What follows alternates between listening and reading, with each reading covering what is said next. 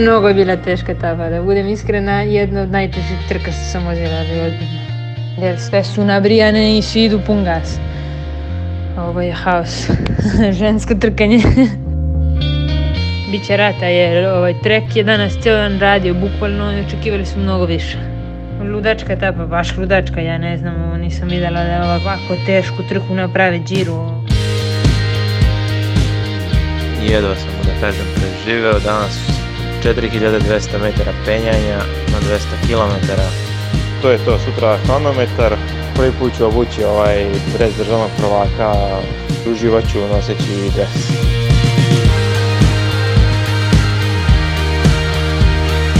I od kako pratim Sagana? 8 godina. Radite za Sagana, radite za Sagana, radite za Sagane. Da si je pitao pre tri dana, rekao bi pa jesu normalni, nisu poveli Metjusa.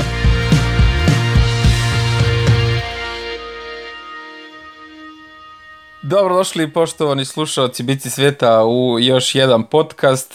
Nedelja je za nama puno dobrog trkanja sa svih strana sveta i muškog i ženskog. Tur najviše pratimo jer je najveća trka na svetu. Sve oči su nam uprte u Italiju jer su tamo naši vozači.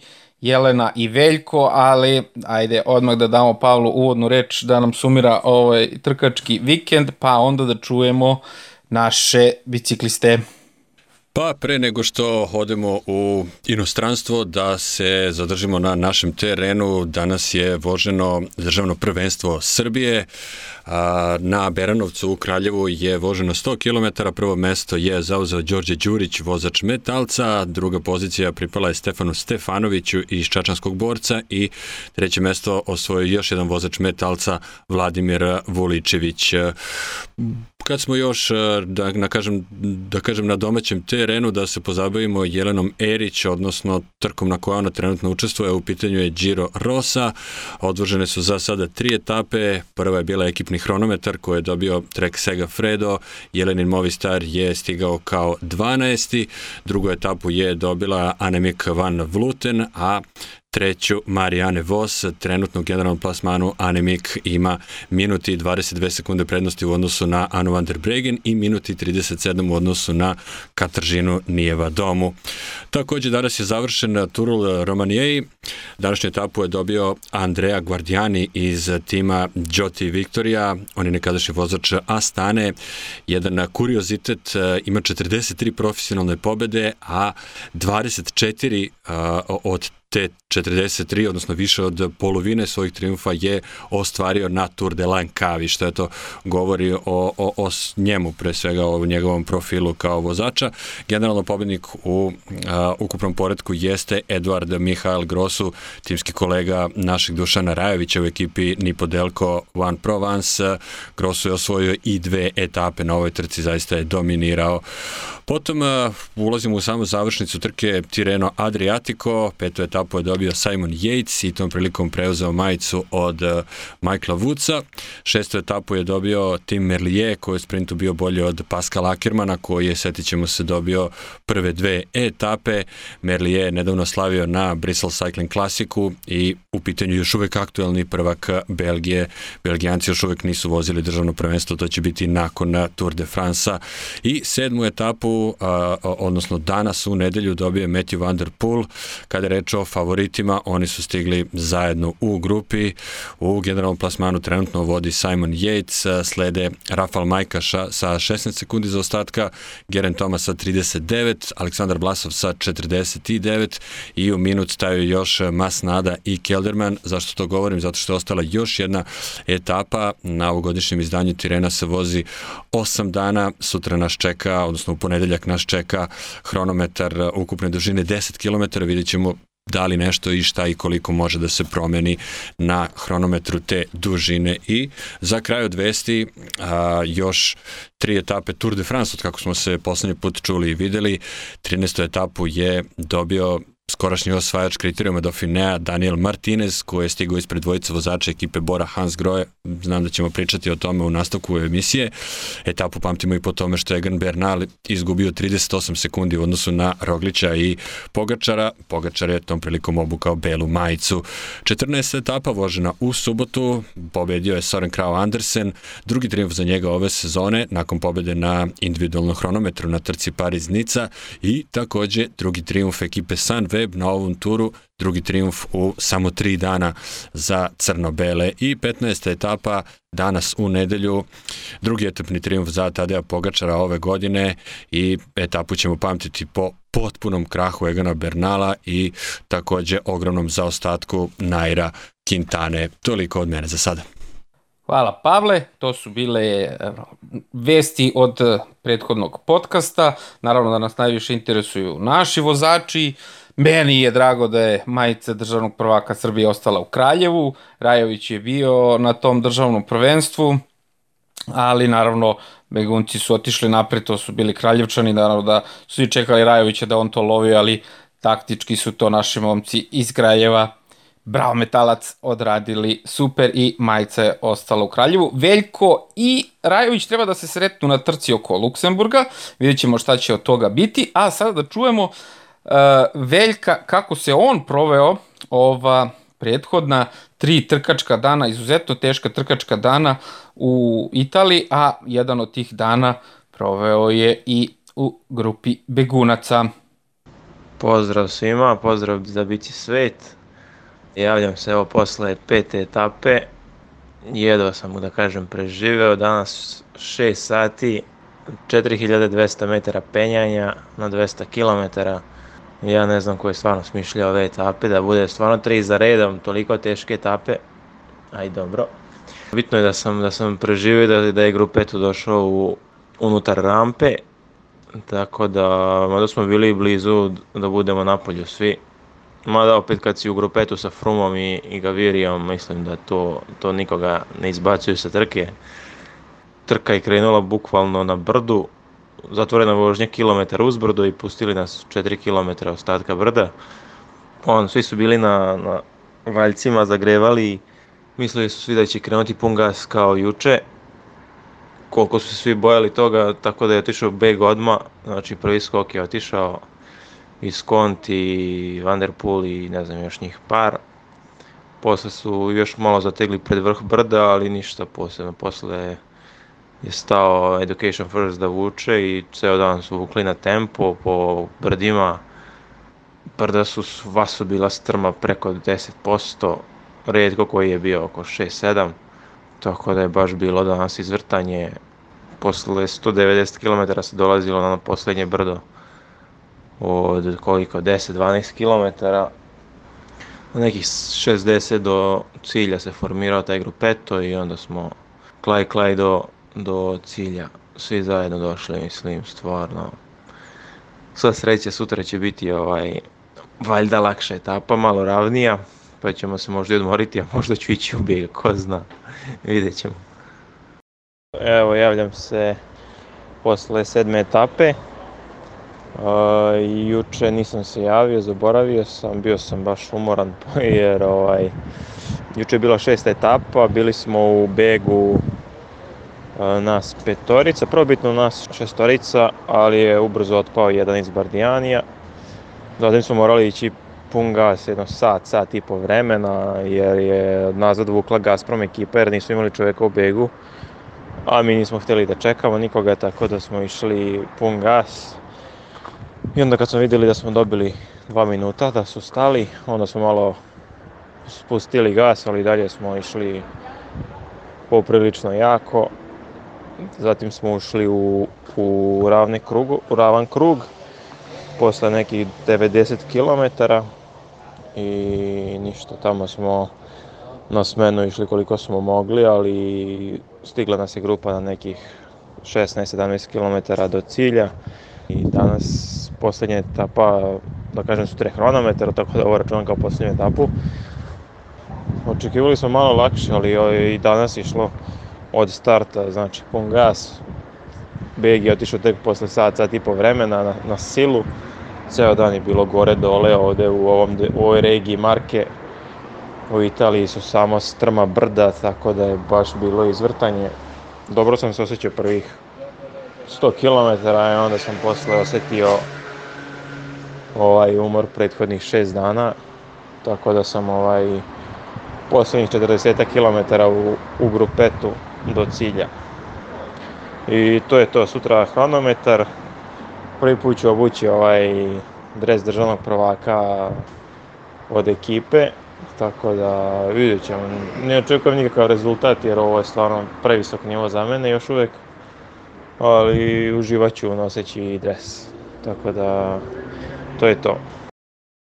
Evo, hvala Veljko, čuli smo kako se on proveo, kako je to žestoko tamo bila uh, borba i to je, to su World Tour vozači, i Froome je tu, Jejc i svi ostali koji idu i na Giro. Neki komentar za Veljka? Po meni je veoma drago pre svega da imamo ove ovakve izveštaje i drago mi je da eto, imamo nekoga ko može iz prve ruke da nam kaže kako je tamo u a, samoj grupi, u samom takvom zaista elitnom društvu. Imali smo jedan onaj interesantan komentar da nikada neće organizatori isključiti a, grupu u kojoj se nalazi Chris Froome i a, ko još beše od sprintera Fernando Gavirija koliko god imali za ostatak. Kad je reč o samom trkanju, zaista dosta toga interesantnog se tamo dešava, pre svega to je pokazatelj šta možemo očekivati na džiru, nešto slabija forma Vincenza Nibalija, a pokajnik Geran Thomas je otprilike tu negde u vrhu, a za sada se najbolje pokazuje zaista a, Simon Yates. Pomalo mi je žao Michaela Woodsa koji dobija ovde svoju ređu priliku da bude lider. Znamo da on naredne godine prelazi sa Chrisom Froomom u Izrael, pa vidjet ćemo koliko će tamo imati priliku. Ok, sigurno će dobijati, recimo na Vuelti ili na Džiru. A, a, čekamo njegov prelazak u, u vozača koji se bori za, za generalni plasman. Moram da kažem samo da je Veljkov Tiv najviše kilometara skupio u bregu. Mene, mene naj, raduje što je Visconti o, takođe bio par dana u toj grupi begunaca, što znači da od njih svakako možemo očekivati dobre rezultate na džiru, a mi naravno o, molimo Boga da se i Veljko pojavi na tom džiru baš zbog ove super vožnje na Tirenu Rafal Majka je takođe neko ko tu ostavlja dobar utisak. Pričali smo kako se Bora rešila njega za tur, ali eto ovde u ovoj trci koja možda slovi za nešto slabiju nego, nego tur, barem tako jeste po imenima ove godine, tu on zaista može da ostvari neki dobar rezultat. Konačno, da kažemo. Pa i ovo drugo mesto na kome je trenutno je za mene iznenađenje i ja sam zaista ga prežalio ne jedan put. Međutim, video sam delove nekih etapa, video sam da se priključivao begu, jedna, jedna etapa mu izmakla za malo, tako da m, zaista se vratio u neku formu od pre 5-6 godina uh, i verujem da će barem na jednoj etapi na džiru da napada pobedu.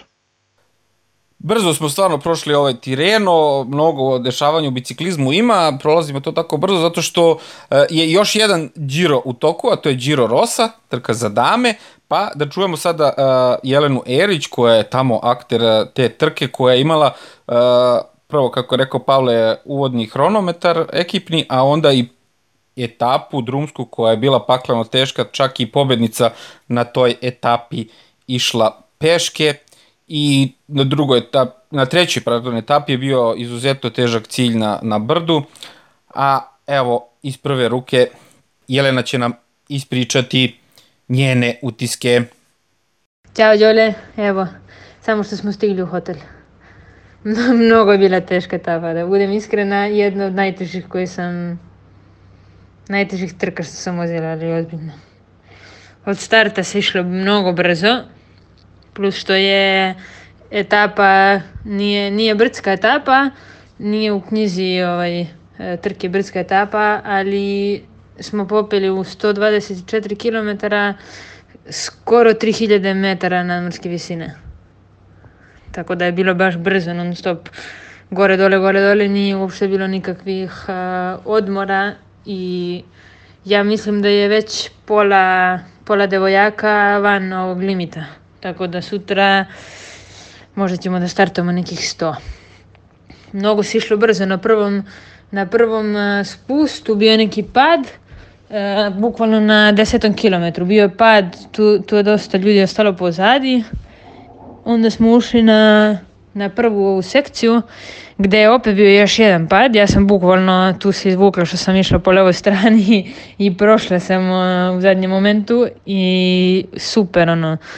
Napred sam bila non stop, samo što eto nisu noge nisu noge još uvek najbolje jer 10 dana sam odmarala sad ovo zbog pozitivnog testa tako da nisam, nisam u najboljoj formi mada ovo je 10 dana dugi, dugi džira ali to je to, nisu bile najbolje senzacije. Na kraju još e, pred drugi, drugi odsek ovog sterata jedna, jedna od, od naših lidera, jer imamo dva. Ova Paula Patinjo, koja je kolumbijanka, mlada, ona je godinu dana mlađa od mene, ima 23 godine.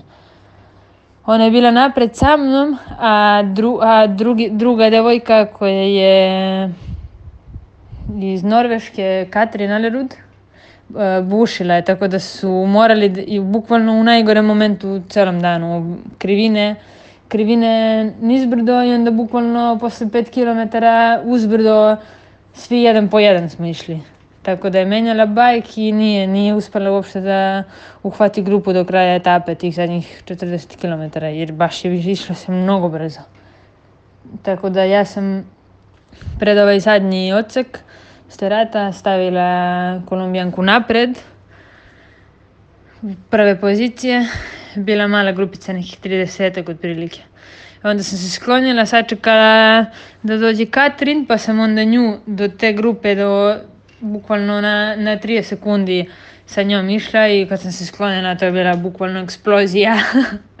da nisam, nisam mogla da dođem do cilja tih 15 km, htela sam da se, da se spustim u na sledećem feeling zonu da idem u auto, jer mnogo mi se ono dužilo, bukvalno 15 km prošli su me tri grupe i jedno 70 devojaka. I na kraju su me stigle e, dve, dve drugarice iz ekipe, išli smo na tempo do, to je na tempo koliko smo mogle. Bukvalno 12 sat do cilja i i završili smo u, u limitu jer vidiš da mene za malo limit uhvati. Ja sam na 15 km do cilja pustila za malo da, da ne završim trku. Nije za malo, ali eto 5-6 minuta mi je falilo. Tako da baš je bila teška etapa, je ludački, neće ni jedna etapa da bude ravna i, i laka. Jer sve su nabrijane i svi idu pun gas. Ovo je haos. Žensko trkanje. Ništa Đole, idem da si stežem malo i na, i na masažu uskoro. Sutra je nov dan, još jedan težak dan. Tako da, vidjet ćemo šta će se izdešavati jer ima dosta dana teških, a danas su ekipe malo bile eto, malo su se pomešale karte, karte jer bilo dosta padova, padova još i ova iz, iz treka Eliza Longoborgini nije, nije se sećala baš dobro danas. Bušila isto na ovoj sekciji drugoj i morali su da je čekaju, a napred ova Nemik je napala na 15 km do cilja i otišla solo. Još je plus bušila i još je drugoj dala minut i po. A ostale su, ostale favoritkinje su dosta pozadi bile. Ova naša kolombijanka mlada je završila 20 i neka. Tako da biće, biće rata jer ovaj trek je danas ceo dan radio bukvalno i očekivali su mnogo više. A eto Mitchelton Mitchelton nis, nemaju baš dobru ekipu, samo je ovaj anemik uh, vanzemaljski jak. Tako da vidjet ćemo šta će se desiti, ali dugi džiro, ako nemaš ekipu, bit će teško da, da, da pobedi. Morat će baš da se namuči, ali eto. Danas je već uh, kupila vreme. ludačka etapa, baš ludačka, ja ne znam, nisam videla da je ovako da ovako tešku trku naprave džiru. Bukvalno svaki dan, svaka etapa ima, ima preko 2000 metara nadmorske, nadmorske popeta. Tako da bit će baš teško. ali dobro. Ja se nadam da ću ja ići malo po malo na bolje, jer sam dosta, dosta sveža i nisam ništa trkala u zadnjih mjeseci po dana. Tako da nadam se da će, da će ovo ići na bolje, mada sad trenutno se ne osjećam baš dobro. Ali vidjet ćemo. Ništa, Đole, pozdrav, pa se vidimo. Ćao. Hvala Jelena. Čuli ste kako je to i tekako teško uh, bilo tamo, iako ovi rezultati koje mi samo pratimo, pošto nema, nema uh, live streama ili prenosa sa te trke, što je, mislim, šteta, ceo svet žali za tim, ali rezultate čovjek kad pogleda ne može praktično ništa iz njih da zaključi. Ja pre svega želim da se zahvalim i Veljku i Jeleni što u uslovima vrlo teških, vrlo jakih trka okruženi izuzetnim trkačima iz celog sveta, vrhunskim trkačima, nalaze vremena da spreme ovih nekoliko minuta izveštaja za naš podcast. I, i ono što, na što bih skrenuo pažnju svim slušalcima, evo ono što je Jelena rekla, je, nedvosmisleno pokazuje da kada ne gledamo trku, kada ne, ne pratimo od prvog minuta, pa čak i kad pratimo, mi mnoge stvari ne vidimo, kamera ne uhvati. I to što neko je stigo 100 ili 120 i ima za ostatak ovoliki onoliki, apsolutno ništa ne govori o kvalitetu njegovog trkanja. To što je Jelena dva puta se vraćala po svoje e, suvozačice, ne znam koliko ste se bavili nekim sportom, koliko u stvari snage oduzima kad ste vi, ne znam, u punom zale zaletu nekom, pa sad morate se vraćate nazad, da čekate nekoga, pa onda još jače da vučete napred do tog nekog dovučete, to su zaista izuzetni napori i na kraju krajeva to se u par navrata i čulo i po jekinom disanju da ono, e, evo sad sam završila trku, ajde da da vas ispoštujem i da vam pomognem i zaista još jednom mnogo, mnogo hvala. I iz ovakvih komentara, iz ovakvih e, e, priča koje čujemo i od Veljka i od Jeke, ja se nadam da ćemo još od nekih vozača uspeti da dobijemo ove audio zapise, e, uči se biciklizam iznutra Znači, neke stvari koje nemamo prilike da vidimo pored, gledajući pored ekrana, a, a, možemo da čujemo i da apsolutno verujemo. Evo, kao ilustraciju samo da kažem, danas je na etapi Jelena završila 110. sa samo 4,5 minuta za ostatka. Pogledajte te, e, rezultate na današnjoj etapi na Tour de France i koliki je zaostatak imao neko ko je stigo 110. Ništa ne znači. Bio je užasan finiš, e, e, Marijane Vos je pobedila u toj, na toj strašnoj uzbrdici. To što je Jeka 110. stigla, to je samo znači da je velika grupa stigla relativno brzo iza Marijane Vos, ali sam podatak kad nekome kažete neko od naših bio 110. E, bez, nije tačno, ljudi ginu na, na, na, na drumovima, trudeći se da ostvare najbolji rezultat i ovo je stvarno super. Vodeća u generalnom plasmanu na toj trci Ana Mikvan Vluten, kao što znamo, sledeće godine dolazi u Jelenin Movi Star. Ja se neko, nekako pitao kako Jelena to doživljava, jer znamo, razgovarali smo sa njom tokom februara na prvom vikendu na trci Omlohet Noisblad, gde je ona rekla da ima neke obaveze do određene tačke u trci da nakon toga ima svu slobodu. Dakle, ona se u svom timu izborila za nekakvu poziciju, ima 24 godine, dakle izuzetno je mlada uh, u, u biciklizmu i sad tamo dođe do nekih uh, pozicija u svom timu i onda tu dolazi jedna devojka koja je prosto sa druge planete, koja je za dve klase iznad svih, koja trenira sa muškom ekipom i onda zanimalo me kako to onda Jelena doživljava i dobili smo informaciju od nje da je to zaista sjajno i da će imati priliku da uči od de facto jedne od najboljih vozačica na svetu i ono što eto nekako nama koji simpatišamo Jelenu ide na ruku jeste da Annemiek van Luten ima 37 godina, neće moći još 100 godina da vozi, Jelena će recimo na narednoj olimpijadi recimo imati 28 godina i 3-4 godine iskustva vožnje sa Anemik, ukoliko se Anemik toliko zadrži u tom timu i koliko njena karijera potraje toliko, tako da će to eto biti zaista sjajno, zaista veoma dobro za Jelenu, samo ona je rekla da ima dovoljno trka za sve, da ima dovoljno mesta, pa eto, napred se radujemo tome. Pratit ćemo naravno Jelenu još, Giro za dame traje još e, pun nedelju dana, tako da će biti tu i, te, i, i te kakvih uzbuđenja i, Jelena nam je rekla da Anemik trenutno nema ekipu i da je ona praktično samo protiv svih i da će Trek e, raditi e, protiv nje, da će i te kako biti žestoka borba i da i ona traži tu svoju, svoju šansu. Idemo dalje, ono što budi najveće interesovanje i najveću pažnju sveta, to je naravno Tour de France koji nikad, nikad bolji, rekao bih da od onih duela Endija, Šleka i Contadora i onog tura 2011. kada je Evans uzeo protiv svih, sam protiv svih tur, da nismo gledali bolju trku, posle krenula dominacija Sky tima i uh, onda je to malo sve palo u vodu, ali na ovom turu vidjeli smo da im je i tekako Jumbo Visma dorastao.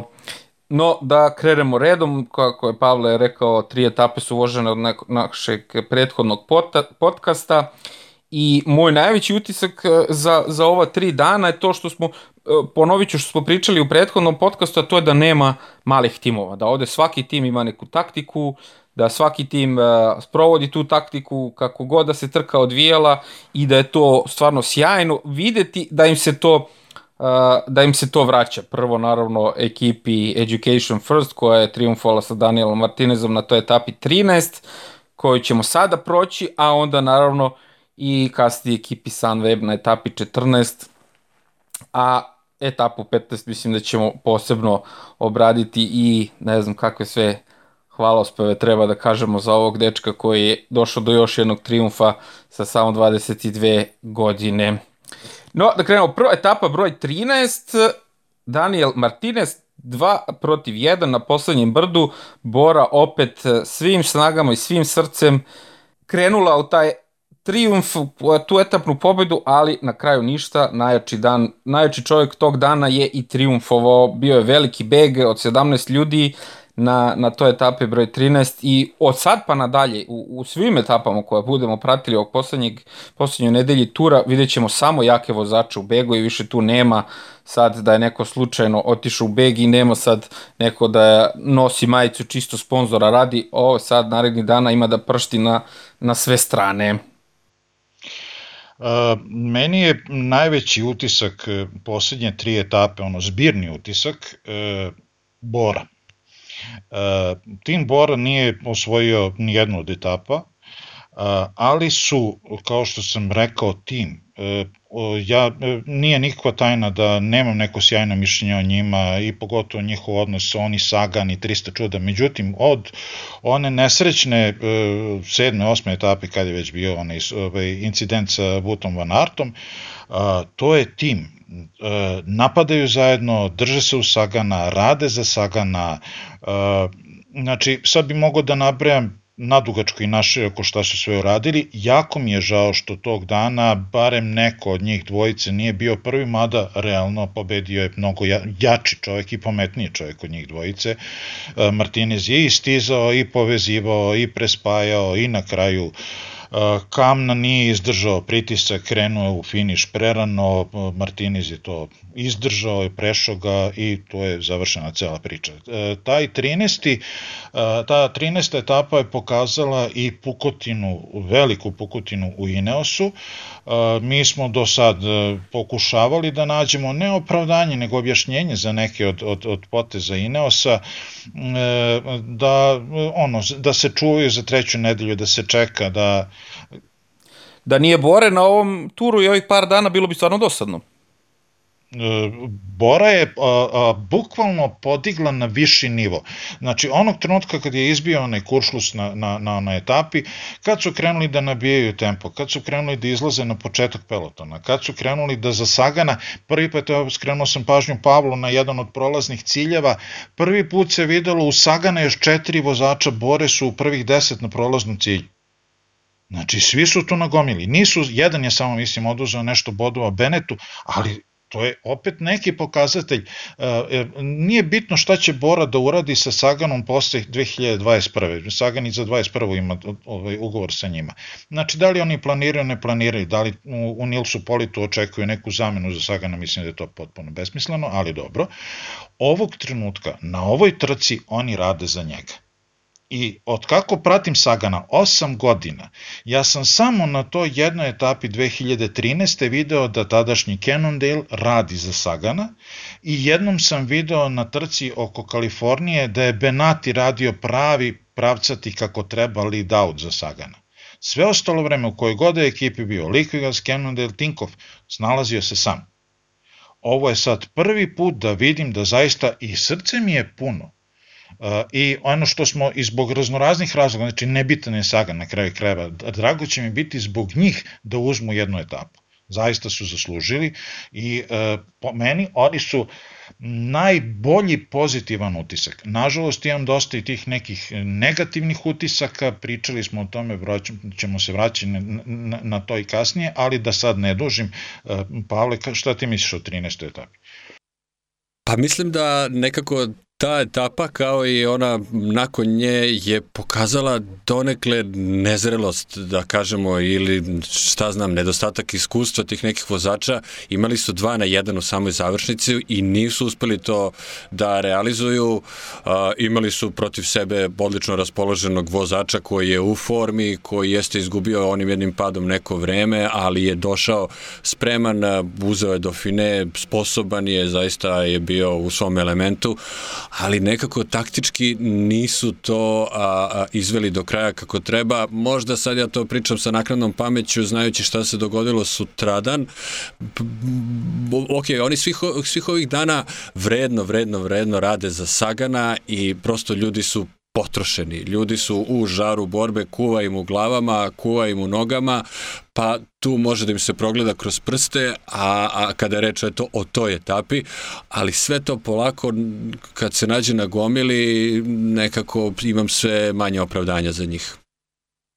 Ne znam, setite se onog podcasta kad sam pričao o državnom prvenstvu Nemačke, kad sam bio razočaran vožnjom Bore, a to je baš bio Kemna koji je trebalo da razvali celo društvo i ništa, nije sedeo dečko i čekao. Ovde imao fantastičnu priliku, ali je bio, samo što kaže što je rekao Pavle, nezdrav i neiskusan, zato što je uh, prerano krenuo. Da je čekao još 50 metara, možda bio je napred, da čekaš 50 metara i da je krenuo u sprint, ne bi imalo mesta da ga prođe možda Martinez, a Martinez je bio iza njega. Uh, definitivno je znači, čovjek možda po pobedio, ali Kemna je bio sjajan, videli smo ga što kaže Pavle, sad smo malo pametniji jer smo gledali, ali videli smo ga i narednog dana da je on bio sjajan, znači da je dečko u formi fantastičnoj. A i ovaj 13. etapa je ono što sam rekao, moj utisak mi je to što svi timovi imaju neku taktiku. Taktika je bila odlična tog dana i što se Bore tiče na toj 13. etapi i što se Education First tiče, ali jednostavno momci iz Education Firsta su bili iskusniji. Imali su prvo oni napad Nelsona Powellsa, pa je onda Šahman to prespojio, Pa su tu oni se našli u nebranom grožđu, još šta ćemo sad? Loš nam je vozač napred, bolje nam je Martinez, onda sreća njihova da je Šahman ostavio Nelsona Povelsa, pa onda krenuo Martinez u preseljavanje, za njime krenuo Kamna, i jedni i drugi su sve fantastično odradili. Samo je mlad, eto, vozač bio, ono što kaže Pavle, nestrpljivi i nedorastao ovom nije dolazio jednostavno na cilj, imao iskustva kako se ponaša u tim trenucima. 50 metara je mnogo, ja sam gledao ovde, Nemci su, samo što nisu plakali komentatori, kao, jaoj, 50 metara, ono kao, mislim, ljudi, šta da kažu sprinteri kad je santimetar razlika. E, ja samo ako će išta da, da pomogne, da ajde malo da ih opravda, e, velika je razlika e, kada se vozi teška brdska etapa, kakva je bila 13. etapa, kad ti, ne znam, više od pola sata samo vučeš uzbrdo, uzbrdo, uzbrdo, gubiš na svežini, gubiš eksplozivnost, gubiš sve što te krasi u nekom možda manje ovaj, brdovitom terenu ili na ravnici. Pa mi je na pamet Jan Stanard 2014. ili 15. na omlopu, vozio je sam protiv trojice iz Quick Stepa, gde je jedan jedan bio Bonin, ja mislim da je tak drugi bio Terpstra, ali to je bila ravnica. I on se jednostavno što kaže, ja sam se, seo na, ovaj, na posljednje mesto, nisam ni spavao, ja sam se vozio i uživao. I na kraju kada je vidio su oni ispucali bez veze, to je bila glupost.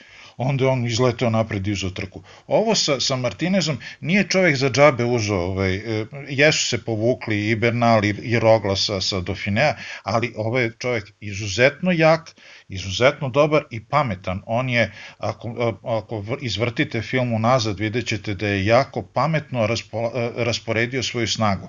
Vozio je svojim tempom u svakoj sekundi koje je mogu, uopšte nije izletao. Nije, a Kamna je pokušavao da skoči, Kamna možda ima samopouzdanje, ali isto setimo se i one etape gde sam pričao zašto su zagorali celu boru za dva poena da, da, da, da Sagan uzme, to je, ta, ovo, taj račun je došao na naplatu. Oni jednostavno nemaju svežine više, ne, ni Sagan nema više te svežine. Da se vratimo na ono što si rekao ti, čini mi se Peđa, a šta će da radi Bora nakon Sagana? Ja nekako, slušajući pre svega podcast sa Jelenom Jelić, stičem utisak da će on već e, naredne sezone da ide negde drugde, negde da ga Specialized da povede i mislim da se Bora uopšte neće previše nasekirati zbog njegovog odlaska. Mislim da je to tim koji ima stabilnog sponzora, njemu nije potrebno, njemu, njima više nije potrebna takva jedna zvezda da ih toliko promoviše, da toliko košta da unosi neku neravnotežu u ekipu. Znamo da Bora ima izuzetno dobar svoj razvojni tim iz kojeg se trudi da crpi talente koliko god je moguće, rade a, a, na isti način sa istim a, trenerima. A, a, mislim da se pre svega oslanjaju na to, na jedan sistem i njima je trenutno Sagan jedan a, a, teg koji im je do sad donosio mnogo toga dobrog, sada definitivno više ne, to može da se promeni u nekoj od preostalih etapa i do kraja godine na džiru vidjet ćemo šta će, šta će biti, koliko će mu snage preostati, ali mislim, nekako imam utisak da Bora neće previše da pati za Saganom kada on bude otišao. Samo da pomenemo generalni plasman na ovoj 13. etapi, pa da se prebacimo na 14. gde ćemo morati opet o Saganu da pričamo. Na, na ovoj 13. etapi uh, je 38 sekundi za radio Roglič, jer ovo je bilo jako kratko poslednje brdo, strmo brdo, ubica brdo, mnogima je bilo previše teško, svi su gledali u svoje kompjuterčiće i power metre i tu smo prvi put videli da ono, Rogla ne diše. Pogačar je došao iza njega, mučio se, znači bilo je ono, hoće pusti, neće pusti. Ali u odnosu na kažem 38 sekundi, nisam rekao u odnosu na koga, 38 sekundi u odnosu na Bernala, na toj etapi, Bernala kao pobednika prošlogodišnjeg tura, na toj etapi je bilo za mene veliko kao, kao kuća. Uh, hoću još nešto o toj 13. pa idemo opet na Sagana na ovu 14. Da, a, ićemo i na Sagan na Boru, samo da kažem u vezi 13. etape i taj odnos e, Pogačar, e, Roglič i Bernal.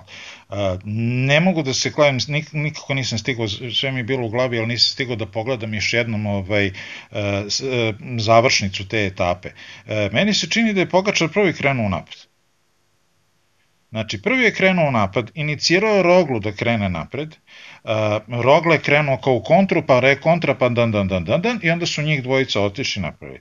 Uh, uh, I dalje mislim da uh, Pogačar uh, treba da sedi i da ćuti da čeka svoju priliku. O šta je on napravio ovim napadom? Izbio je na drugom mestu generalnom plasmanu. Super. Jednu sekundu nije uzao Rogliču. Znači, otresao je direktne svoje kandidate, on je pre ove etape, mislim, bio sedmi ili tako nešto i od jedan put iskočio na drugo mesto. To je fantastičan skok, ali uh, mislim i dalje da on ima fantastičnu priliku da uzme žutu majicu. Ali mora da pusti druge da izmore Roglu i Jumbovizmu. Ne da on inicira napade. A što se mene tiče, možemo da pređemo i na 14. etapu, sad ima isto da se priča i priča. Naravno, idemo odmah, idemo odmah 14. etapa, moramo opet na 14. etapi da pričamo o Saganu, zato što je uh, ono što je Svetioničar rekao, sad ima tim, ekipa uh, je stala iza Sagana i bore se svaka im čast. Ono, videli su da im je Sagan jedina šansa na ovom turu. Od Buhmana nema ništa, Šahman nije onaj pravi, nije onaj sa Paris Nice kada je suvereno pobedio početkom godine, tako da sve karte bacaju na Sagana i 14. etapa opet borba za tu zelenu majicu, odmah su krenuli da muče Sema Beneta, oj je već pustio, bilo je jako interesantno gledati ono kad su i oni digli ruke, kad su vukli na menu tipa kao je daj dosta, izginućemo, nećemo ovo da uhvatimo. I sjajna, sjajna, što, mislim, stvarno moramo da ih pohvalimo, do onog kraja etape kada su stvarno zabrljali, ali mislim da je tu isto opet Kemna podlegao na iskustvu, jer jednostavno, mislim svi su naravno i drvlji kamenje na, na njih uh, svalili, jer praktično Leonard Kemne potrošio snagu suludo na taj napad, umesto da je posle pratio napade Sunweb tima, ali opet, uh, kažem, moj utisak je što svaka ekipa ovde ima neku taktiku i sprovodi je super i to smo videli da Sunweb uh, provodi uh, taktiku koji vozi ljudi svoju trku. Znači, Sunweb, 14 etapa, e, Soren uh, Andersen, Soren Craig Andersen, jedan napad, drugi napad, Tis Penoa, Mark Hirschi, Sagan spajao, ovaj spajao i Soren Craig Andersen samo otišao kad su svi riknuli, kad su ono, joj daj da uhvatimo dah, čovjek produžio na 2,5 km do cilja i dao im je 15 sekundi do kraja, znači dečko kapa dole svaka čast. Uh, Bora potrošila se, ono što kaže sve teoričari, ispucali se ljudi, nema više svežine, kakva svežina, kad je Sagan morao da lovi sam, onda posle šta, šta mu ostaje za sprint. Ali, ono što je rekao malo pre, da nema Bore na ovim etapama, moglo je bude stvarno dosadno ono što je što smo pomenuli nekoliko puta do sad i poslednji put kad smo osvrnuli na to zašto neki vozači ne shvate da moraju da rade za svog čoveka, zašto je Wout van Aert u onom sprintu uopšte bio, nego zašto nije ostao pozadi sa Roglom i 300 čuda, to smo upravo na 14. etapi videli. Ceo dan Bora gine da Sagana odvuče što dalje, da uzme što više pojena na prolaznom cilju, da, da proba da uzme etapu, Beneta su otresti odavno i e, na kraju u prelomnim trenucima, umesto da se ostane u Sagana, Znači, mogu i Šahman da, da, za, toliko da, da, da bude tu. Možda čak i Daniel Os mogu da bude tu. Znači, znalo se, to je, ona etapa je bila pisana da neko napada na posljednjem ovaj, brdskom cilju. E, brdskom, ovaj, ba da, prolaznom brdskom cilju. Znači, bile je a, a ko jedan i jedan, svako je znao da će neko tu da napadne i da ako hoćeš da pobediš etapu, moraš ili da budeš uz tog nekog ili da, da prespojiš do njega da mu ne daš da beži i onda Kamna napravi ono. Ja sam u prvom trenutku pomislio, ok, Kamna je mamac, uh, mamac da, pro, da proba da krene napred i da proba da inicira CCC, da, po, da povuče, da, da oni prespajaju, da možda prespaja čak i Sunweb. Međutim, videlo se posle 30-40 metara da, da niko ne reaguje. I tada je bilo mudrosti u kolima koje prate Boru ili da je Kamna bio dovoljno ovaj, iskusan da kaže ok, ovo ne radi, uspori, olabavi, pusti da, da, da te stigne peloton i budi u pripravnosti. Međutim, on se potrošio, istrošio, na kraju Sagan spajao, što je potpuno suludo, i kad je došlo vreme, prvo što ih je Soren Krag Anderson otpratio sve, ćao zdravo uzeo etapu, onda kad je bio grupni sprint, Sagan nije ni bio na, ni na postolju. Naravno, potpuno logično posljedica onoga, znači to je ono, ceo dan se gnjaviš, gnjaviš, gnjaviš, gnjaviš, gnjaviš, gnjaviš, i onda ispucaš čorke u trenutku kad treba da si ko zapeta puška da pogodiš metu. To je, ali to je već ona zaslužuje apsolutnu kritiku. I jedna stvar drug, koja mi je takođe pala na pamet, rekli smo nekoliko puta da će ovaj Tour de France da, da obeleže greške timova. Na 14. etapi kolosalnu grešku je napravio Quickstep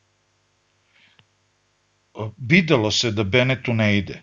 I umesto da batali već posle prvog prolaznog cilja, možda i pre toga, da kaže ok, da se priključi Kelebu i Joanu i da se vuče pozadi u grupetu, da, ne, da štedi snagu, oni su tukli, tukli, tukli, tukli, tukli, dok na kraju krajeva nisu pukli, oni su spustili neku razliku na minut tipu i onda ćao, jedan put su svi stali potpuno besmisleno. Na kraju je Sam Bennett stigao 10 minuta pre Keleba Juana. Ja ne znam koliko ta razlika govori u prilog da je Keleb Juan bio duže na drumu, ali se vjerojatno mnogo manje umorio. I hoću da kažem još nešto u vezi Sam Bennett, ali možda kasnije ako bude bilo vremena neću da dužim.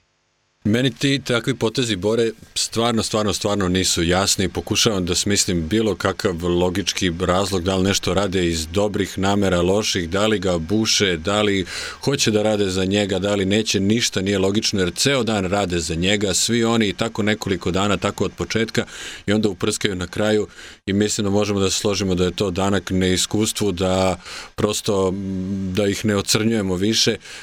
Stvarno je krivica na kraju krajeva u kolima, mora poslednjih nekoliko kilometara da im se priča radite za Sagana, radite za Sagana, radite za Sagana i radite za Sagana i nemojte, mislim da nije, nije nemoguće da je, da je Kamna čak možda hteo da povuče, pa niko to nije ono što smo nekoliko puta pomenuli kada smo pričali o Saganu, da Sagan ne zna da vozi sa timom.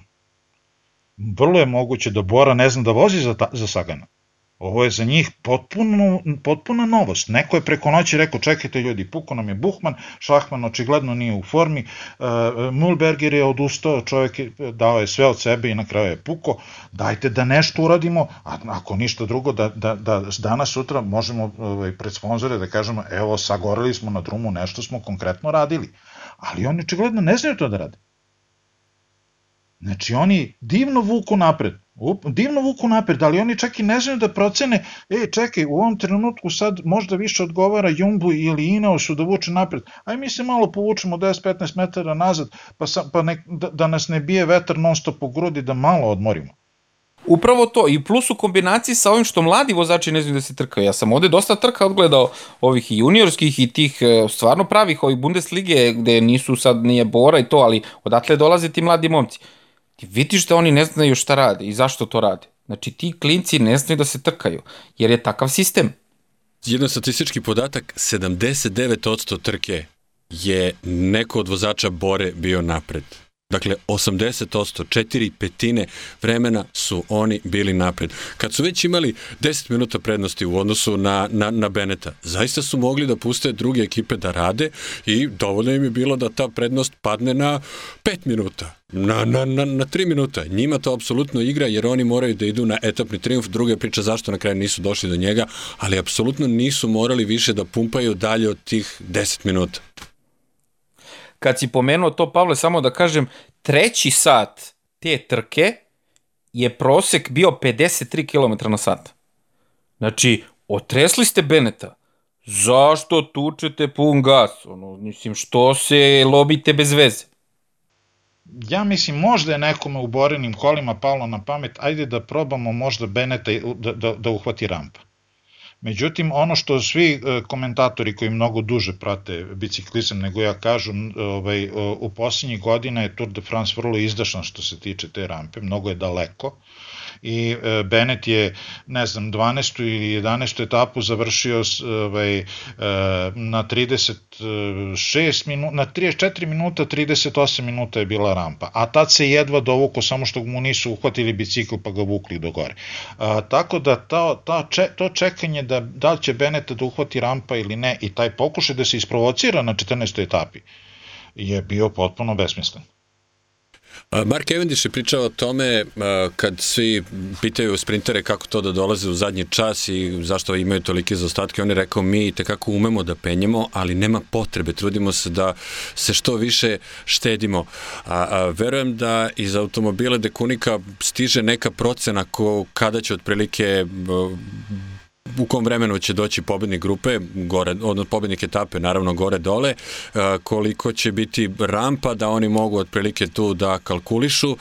Mislim da to je sad veoma interesantna tema, da li bi Bennett mogao da ostane iza rampe, ali mislim da ipak ima toliko snage i toliko iskustva. Vidjet ćemo slede četiri veoma teške etape nakon dana odmora, to jeste velika nada za, za Sagana i Bora sigurno radi na tome. Uh, to može biti jedina nada za Sagana.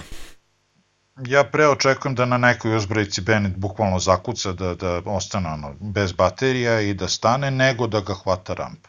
To verovatno se neće desiti, a to što si pomenuo Cavendisha, i ja sam isto slušao i, i na kraju krajeva gledao u nekim trkama, kaže, ja sasvim lepo mogu da penjem, zašto, čemu? Što nas opet vraća na Beneta.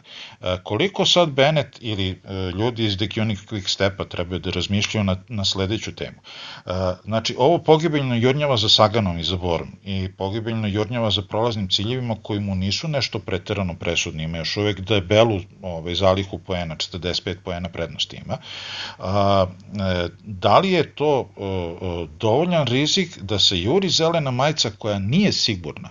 Jer može Beneta bude, ja sam gledao Beneta na, na, stav, u, na, u Stavangeru na ovaj, Hammer seriji u danu koji je bio predviđen za penjenje brda. Čovjek fantastično penje brda. Ali čovjek penje četiri brda i peto brdo tuga gledati. Znači, bukvalno samo što se ne grebe noktima da pređe preko brda, znači prelazi brzinom penzionera hod, sa hodalicama, znači bukvalno se potpuno isprazni i nema više ništa, nula. Tako da uopšte nije isključeno na nekoj od ovih etapa da, da mu se to desi, ili da ostavi Sagana da juri da skuplja poene, Trentin se naložio na, na, na, na poene i juri poene, ovaj, da, se, da se Sagan svađa sa Trentinom i sa, sa ovim e, prolaznim ciljevima i sa završetkom etape gde Sagan teško da može nešto da uzme u naredna četiri dana, a da čuva snagu za ove, Champs-Élysées Jer Bennett ako ovako, iscr, ovako ceđen svaki dan dođe do poslednje etape Tour de France, ponavljam, nije isključeno da umeđu veoma negde pukne on u toj etapi apsolutno nema šta da traži protiv svih ovih e, e, sprintera koji su se uredno čuvali svaki boži dan. I tu je Caleb Ewan, tu je Ajde Greipel, tu je Viviani. Znači njih nismo uopšte videli, oni odu na kraj grupe, odmah posle prvog uspona i čao, mi se vozikamo do cilja. Znači, pitanje je da li se u, u, u štabu Dekionika i da li se u glavi Beneta vrte i takve kalkulacije, nije isključeno kad si pomenuo Grajpela, onda, sad si me podsjetio, ono odlično vozi Jelisejska polja. Znači tu Grajpel se čuva za to 100%, jer to je san svakog sprintera, naravno. E, hoćemo da privodimo kraju ovu 14. etapu, još nešto. Ja bih, e, ja bih samo pohvalio pobednika još jedan put, Soren Craig Andersen, koji je maestralno stavio tačku na tu timsku taktiku. Znači ono što sam i malo pre rekao, svi timovi se sjajno trkaju, i, i imaju svoju taktiku i, i sprovode Zaista bi, bila, bi bio greh da to ne, ne, ne pomenemo. Pre svega na toj etapi interesantno je da su, a, kad je reč o Sunwebu, a, dvojce, dvojca vozača su krenule u beg i onda, odnosno najpre jedan, najpre Bol, pa je sa njim kasnije krenuo i Kasper Pedersen. I onda da li su dobili obaveštenje iz auta da je Bora navalila i da ne vredi da idu četvorica vozača u beg, nego ajde čuvajte se, čuvajte se za sam kraj. Ili se možda Bol vratio po Pedersena pa nisu kasnije uspeli da, da, da presele do bega. Meni je više verovatna ova prva opcija da su oni iz automobila dobili sugestiju da, da, da, da, da puste beg, navalila je Bora da ide u svoju i prosto neće taj beg ništa preživiti. Videli smo da, da od toga zaista nije bilo ništa. I na kraju, uh, fantastična vožnja kao na klasiku, kao Dekuni Quick Step kad radi na, na, na klasicima kad ne ide lead out u sprint, nego prosto imaju nekoliko karata, imali, imaju više nego nekoliko opcija, jedan napada, drugi napada, treći, a, delo je da je sjajna atmosfera, da im je zaista svejedno ko će doći do, do etapne pobede, imaju, imali su nekoliko neuspeha, a, imali su praktično uz, uz Quick Step jedini pravi lead out na onim prvim nekim etapama, tu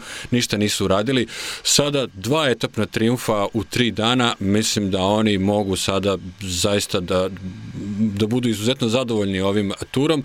Da sad ja vas pitam šta ste mislili do pre koji dan o njima, znamo da tu vlada jedna strahovlada, da je tu sve pod konac, da nekako nije baš najopuštenija atmosfera u ekipi, a evo oni su da kažemo, jedno od prijatnijih iznenađenja tura, a u pitanju i po godinama, po proseku, najmlađi a, tim ove sezone, zaista fantastična vožnja.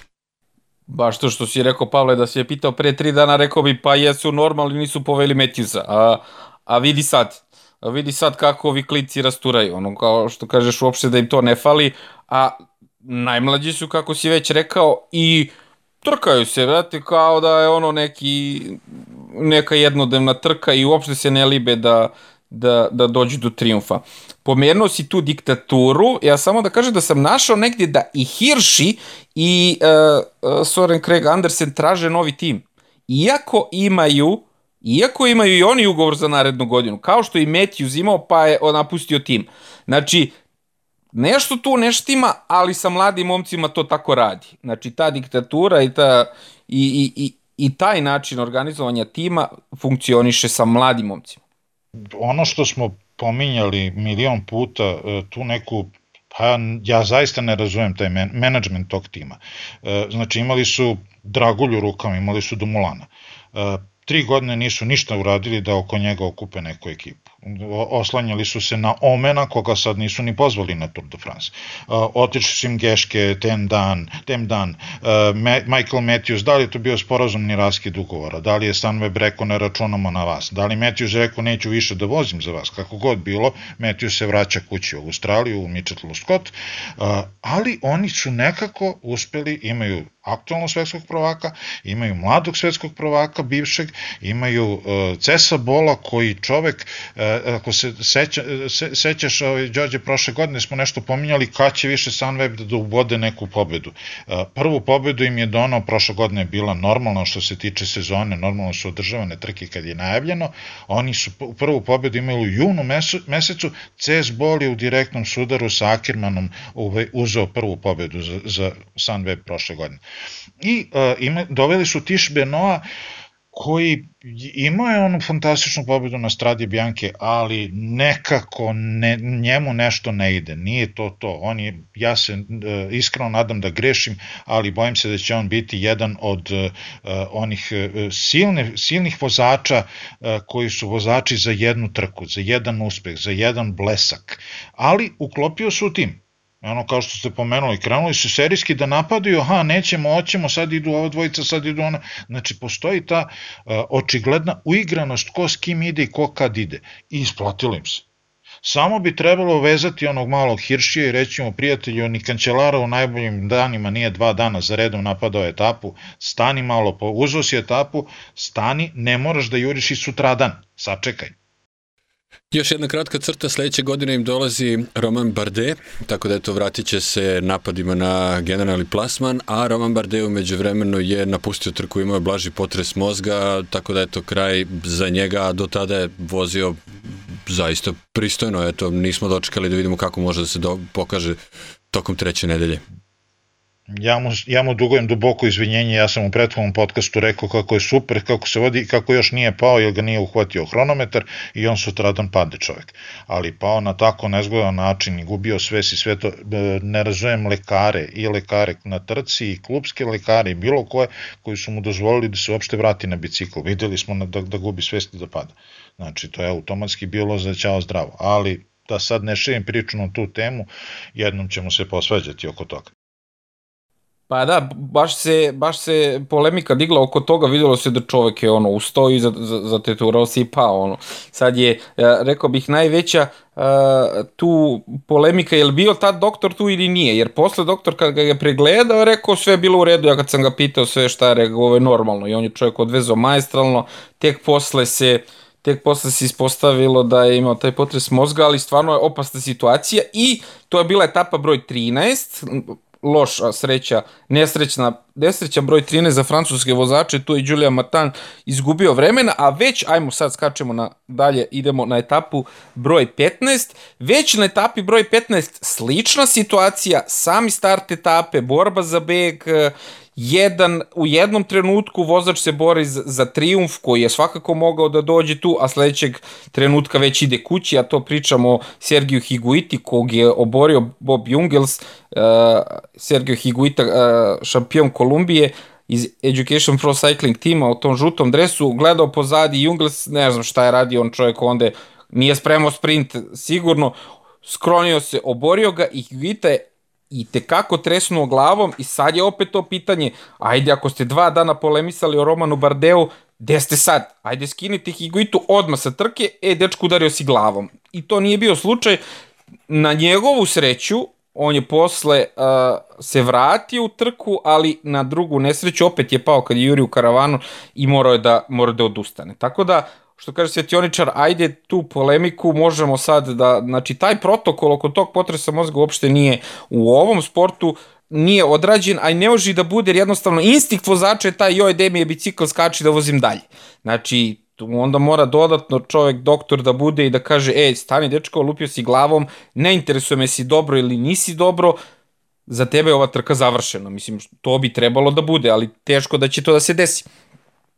E, svi koji prate američki futbol, NFL, e, znaju da postoji pravilo tamo. E, sudije određuju i, i zna se, pošto oni imaju stravične sudare telima, glavama, rukama, čime god, kada je, pogotovo kada je kacigo kacigu, jedno od najstrašnijih udaraca koji su u, u tom sportu, momentalno igrač koji je ostao na zemlji ide van terena, ide sa strane u sobu, da uradi mu se pregled, ne zna se da li se vraća, ne vraća, da li ima potres mozga, nema potres mozga. Naravno, biciklizam je takav sport i na takav način se radi ovaj, da je nemoguće sad obezbediti putujući rengen koji će da ide stavno i za dve sekunde dobavi posle da se vrati čovjek na bicikl.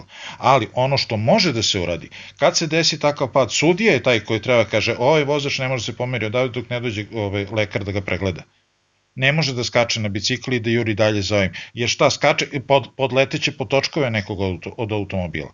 Ima na milion načina može da, da, da strada još gore u toj neko, u tom nekoj refleksnoj želji da se dostignu ovi, ovi drugi vozači koji su otišli napred.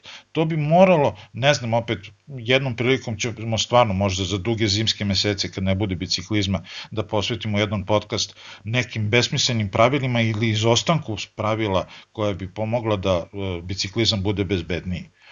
Ali eto, da, da sumiramo za sad ovu priču, i Gita je, uh, uh, nažalost, morao da napusti, uh, i on i Jungel su dva puta prošli kroz pad. Jungel se na kraju došao pocepan na, ovaj, na cilj, kao pa šta se, šta je s tom desilo, udarilo ga kola hitne pomoći. I pao. Odran sa leve strane skroz pocepan. Znači, e, taj neke stvari, e, biciklisti su apsolutni prioritet na drumu to sudaranje sa vozilima ovog ili ovog službenog lica, sa motorima, to apsolutno mora da se da se izbegne na kako god. Neka, ako hoće neka dubi na glavi, neka radi šta god hoće, ali on je prioritet, moraju vozači, stalno se pominje da prolaze kroz specijalnu obuku, stalno se pominje da su to iskusni vozači, često su i to vozači koji su bili biciklisti pre toga. Znači imaju taj neki osjećaj za kretanje pelotona i pojedinca. Ali to mi se i dalje dešava i to mora da se, s tim mora da se prekine. Da se vratimo etapi, ovo je stvarno jedna tema koju treba poseban podcast da posvetimo, slažem se sa Predragom jer ovo je izuzetno škakljiva i, i, i nezgodna tema. Etapa broj 15, vožena ista kao što je pre koliko par meseci vožena trka, par nedelja, vožena trka Tour de Lan, ista etapa, potpuno, potpuno ista, 8. avgusta, ne, 9. avgusta, etapa broj 3, kada je triumfovo Roglič. I ja, Džambo Visma je vukao ceo dan baš, baš za Rogliča, a triumfovo je na kraju Tadej Pogačar i meni je tu izgledalo na cilju kao da je kao da je to bilo ono ono e, žuta majica, evo sad moja žuta majica pa pušta druge da da triumfuju. Međutim sad ako pogledao malo situaciju, najveća pretnja toj žutoj majici Rogliču je upravo taj čovjek kog je on pustio, a to je uh, Tadej Pogačar, jer definitivno ovde ispao iz igre uh, Bernal, prošlogodišnji pobednik i ono što se nije desilo koliko 9 godina unazad, osim na onoj 2014. kad je Frum pao, pa je Nibali triumfovo, uh, Imperija je pobeđena. Sky, to jest uh, Ineos Team je ispao ovde iz igre i baš me zanima šta će oni e, kasnije da rade. Jako je vukao Jumbo ceo dan, meni, ja sam se bio uplašio da ne otresu i roglu, a onoj ko je najviše snage imao, najviše snage, pardon, najviše hrabrosti imao, to je Yates. Adam Yates je jedini koji je tu napao, nešto probao, video da to ne ide, sedi ovde i daj na kraju ćemo da vidimo da smanjimo gubitke. Sjajna stvar je mene što se mene tiče tu što se Pierre Roland ponovo trka, kao da je promenio uh, način treninga, jer kad je bio Education First Team, Jonathan Waters je rekao, ovaj dečko trenira kao da iz 1970. godine došao. i nešto je promenio, trka se, ide bolje i mislim da je njegov sad cilj tačkasta majica i da ćemo ga narednih dana gledati i ja svim srcem navijam za Pjera Rolana da osvoji tu tačkastu majicu. Uh, o to, ajde kad si pomenuo tačkastu majicu, uh, malo ljudi obrati pažnju na neke stvari, pa verujem da, da svi kada se završi etapa pogledaju kako je, koji je redosled na etapi, ko ima koliki zaostatak, generalni plasma, tada. malo ljudi pogledaju ovaj, tačkastu majicu. Pogledajte ko je sad ovaj, na prva tri mesta na tačkastoj majici. Konfro koji je od, odavno uzeo tačkastu, maj, tačkastu majicu iz njene izlazi, pa Roglič, pa, pa Pogačar, pa Roglič Uh, Jumbo je danas vuko i nisu uhvatili beg. Znači, i Piero Lan, ja mislim da moli Boga da ono kao, daj momci oladite, pustite bek, da dolazimo mi da se borimo za to brdo, a svakako da si u pravu, e, tačkasta majica će biti kolateralna šteta e, borbe za žutu majicu, jer uzet će to možda Pogačar, možda Roglič, tako da ovi svi što se tu bore, Nans, Peters, Roland, Kosenfroa, možda nikakve šanse nemaju, ali kaže, meni je super da vidim Pjera Rolana, kog bukvalno nisam video 2011. i Aldo Eza, da, da se trka, ono, stvarno, dečko, svaka čast, šta si radio, gde si ti godine izgubio, ali evo, vratio si se. Uh, upravo to što si rekao, ta kolateralna šteta uh, uh, i, da ljudi malo obrate pažnju na kraju. Ko je osvojio tačkastu majicu 2017? Frum. Frum. Na etapi, na uh, poslednjoj etapi koja je završava na Jelisijskim pojnjima i koju svi smatraju za revijalnu etapu, Frum je sprintao za jedan minijaturni brdski cilj umeđu vremenu koji se nalazi negde ohoho od Pariza daleko. Niko nije vidio, mi smo videli kako se, na kraju kraja svake godine gledamo kako se kuckaju šampanjcem, kako voze zagrljeni, dran, dran, dran, dran, dran, i jedan put Froome kaže čekaj samo sekund, vrati šampanj, zoom, nabije pedalu i osvoji taj brdski cilj i time zapečati e, tačkastu majicu, može, njemu, moguće da kaže neko, e, bre, uzo si žutu majicu, šta se otimaš iza tačkastu. Ta tačkasta majica na kraju trke donosi 20.000 evra koliko god je neki tim bogat ili nije, 20.000 evra su pare. I to ohoho lepe pare, nije prolazni cilj u etapi koji nosi 1200, 20.000. Tako da lako može da se desi da ova na kraj kraja Pogačar je sad ušao u belu majicu, može da se desi kao što uzmem 20.000 za belu, što ne uzmem i 20.000 za, za tačkastu. Njegovi će prvi da ga slave, pošto se te pare dele u, u okviru tima. Znači, e, ja jako volim Rolana, pomenuo sam da mi je u fantazi e, Tour de France ovaj, u ekipi i e, volim ga još od ranije i dok je bio Education Fruston i pre toga u Direct Energy, znači čovek je poseban ali može lako da se desi da od te njegove tačkaste majice ne bude ništa. Samo da nas spasem ovaj komentara na, na raznim društvenim mrežama 2015. je to bilo da, na, da nas publika ne ispravlja, obožavaju, obožavaju da nohvataju greške, tako da eto da kažemo bravo za, bravo za Predraga, ja sam to potpuno zaboravio. Znači, ali jeste tako bilo. Ne, pa, Pavle, Pavle neko u montaži iz, iz Montreala, ja ću kažem 2007, 2015. Baci taj nek, nema. ok, šta vam je sledeći utisak o tome? Ja imam baš ono brdo tih nekih utisaka. Ajde Pavle, kaži i ti ne, jednu. Hvala Pavle. Možemo da otvorimo temu sada ili nekada šta se dešava sa Ineosom Oni su potpuno podbacili sa pripremama za ovaj nastavak sezone. Ekipa koja je uvela matematiku, moderni biciklizam, koja je uvela digitron, čit, kompjutere, čitanje brojki, je sada potpuno omanula.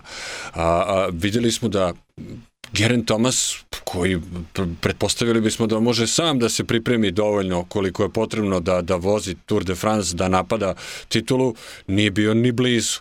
A, a, sada nekako isto ne deluje da bi mogao baš tako lako da dođe do triumfa na, na džiru. Vidimo da ni Frum, ajde, on ima veliko opravdanje, ali m, možemo da se vratimo čak i na prošlu sezonu, na prethodni Tour de France, kada je Ineos bio nikada, nikada, nikada slabiji Oni su jedva nekako uzeli, prva dva mesta su zauzeli uh, Geren Thomas, odnosno Egan Bernal i Geren Thomas. Znamo da je Pino odustao, kada je odustao recimo na nekoj 16. i 17. etapi, veoma dobro je stajao, nakon toga imali smo velike očekivanja od njega u, u završnici. Tada se Ineos apsolutno provukao.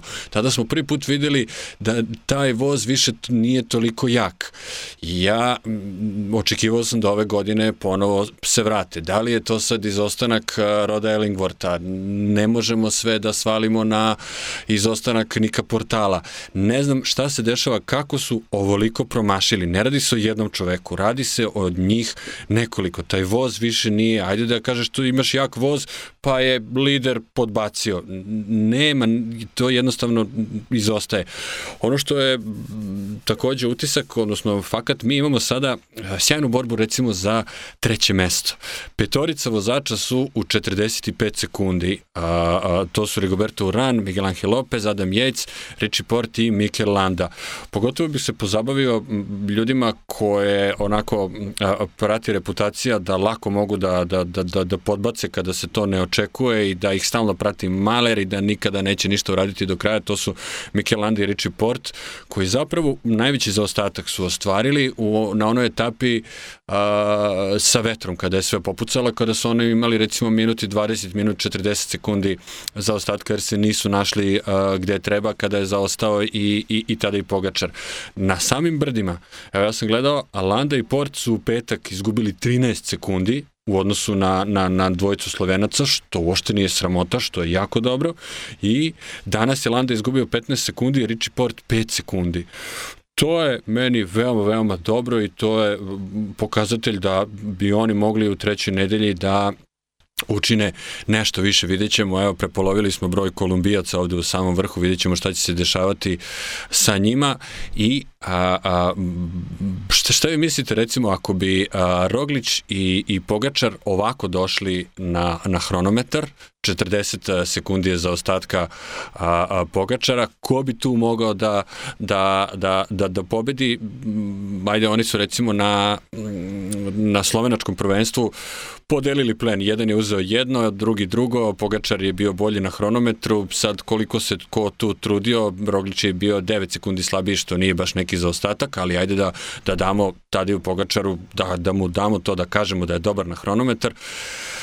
Ako bi ovako došli, da li bi Pogačar možda mogao da, da svrgne Roglu? ja kažem 100% da je, Poga, da je Pogačar ovde sada najveća pretnja Primožu Rogliću i slažem se sa tim da nema više niko ko bi mogao da ga ugrozi i da Pogi treba samo da čeka taj poslednji hronometar.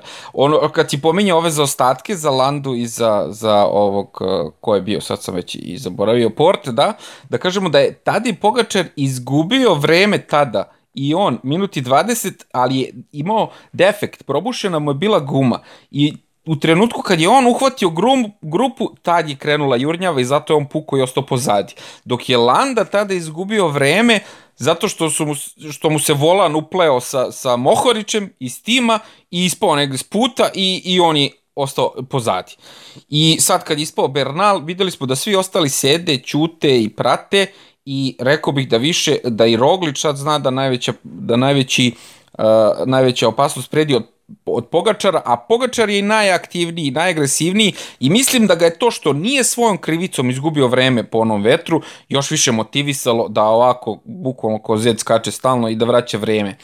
I uh, rekao bih da je meni o, ja navijam da Rigoberto Uran bude na podijumu tu sa njima, apsolutno mi sve jedno ko će pobedi Roglić ili Pogačar, Rigo je stvarno kraj, čovjek, ako pogledate na njegovom volanu, nema ništa, nema ni power metar, nema, ne treba mu ništa, čovjek je toliko iskusan da zna koliko stiska i koliko on može tu da grize, da drži, kada pusti, tako da sve ove brojke što je Pavle pominjao da ide su uveo digitron i matematiku, Rigo Uran je to kod njih bio, prošao video da to kod njega ne radi i ide na osjećaj.